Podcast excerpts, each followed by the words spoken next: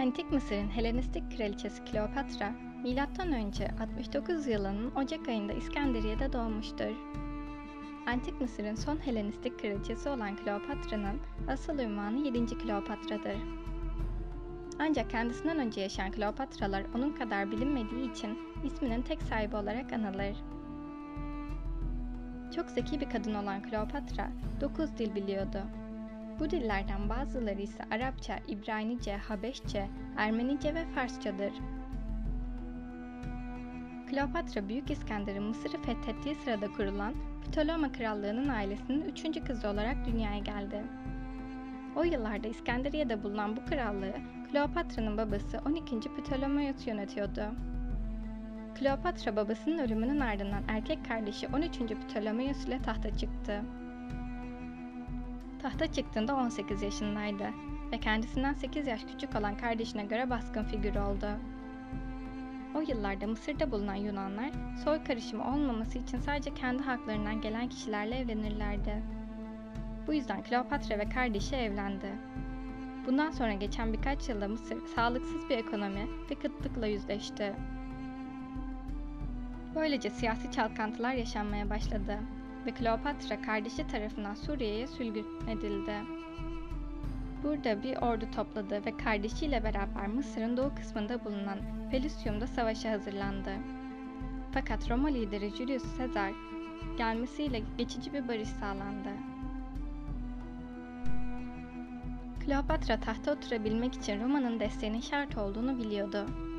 Bununla birlikte iyi bir destek ile Mısır tekrardan Suriye ve Filistin topraklarına sahip olacağına inanıyordu. Böylece hedeflerini gerçekleştirebilmek için Sezar ile yakınlık kurmaya başladı. Kleopatra kışı Sezar'ın orduları ile birlikte kardeşine karşı yapılan kuşatmada yani Nil Savaşı'nda geçirdi. Burada geçirdiği sürede Sezar'ı etkilemeyi başardı. Bazı rivayetlerde ise Kleopatra'nın bir halı içinde Sezar'ın sarayına girerek onu kendine aşık ettiği söylenir. Baharda Roma desteği kendine gelince Kleopatra'nın kardeşi ülkeden kaçarken Nil sularında boğularak can verdi. Kardeşi öldükten sonra diğer kardeşi 14. Ptolemaios ile evlendi ve tekrardan tahta çıktı. Aynı zamanda Sezarion yani Küçük Sezar adını verdiği bebeğini doğurdu. Bu bebeğin babasının kim olduğuna dair kesin bir bilgi bulunmuyor. Sezar öldükten sonra M.Ö. 44. yılında ikinci kocası öldü. Hatta kocasının Kleopatra tarafından tutulan kişilerin suikastine uğradığı rivayet ediliyor. Daha sonra kendisini Horus'un annesi Isis ile ilişkilendirdi.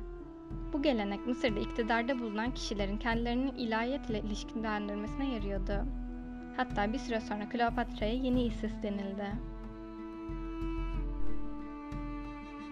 Kleopatra Marcus Antonius aşkı, Kleopatra'nın en büyük isteği Mısır ve Roma'yı birleştirip Büyük İskender'in hayal ettiği gibi tüm dünyayı egemenliği altına almaktı. Ancak Sezar'ın ölümüyle bu hayal suya düştü. Roma İmparatorluğu ise Kleopatra'nın gönderdiği Roma lejyonlarının Brutus ve Cassius'u devirmesiyle ikiye bölündü.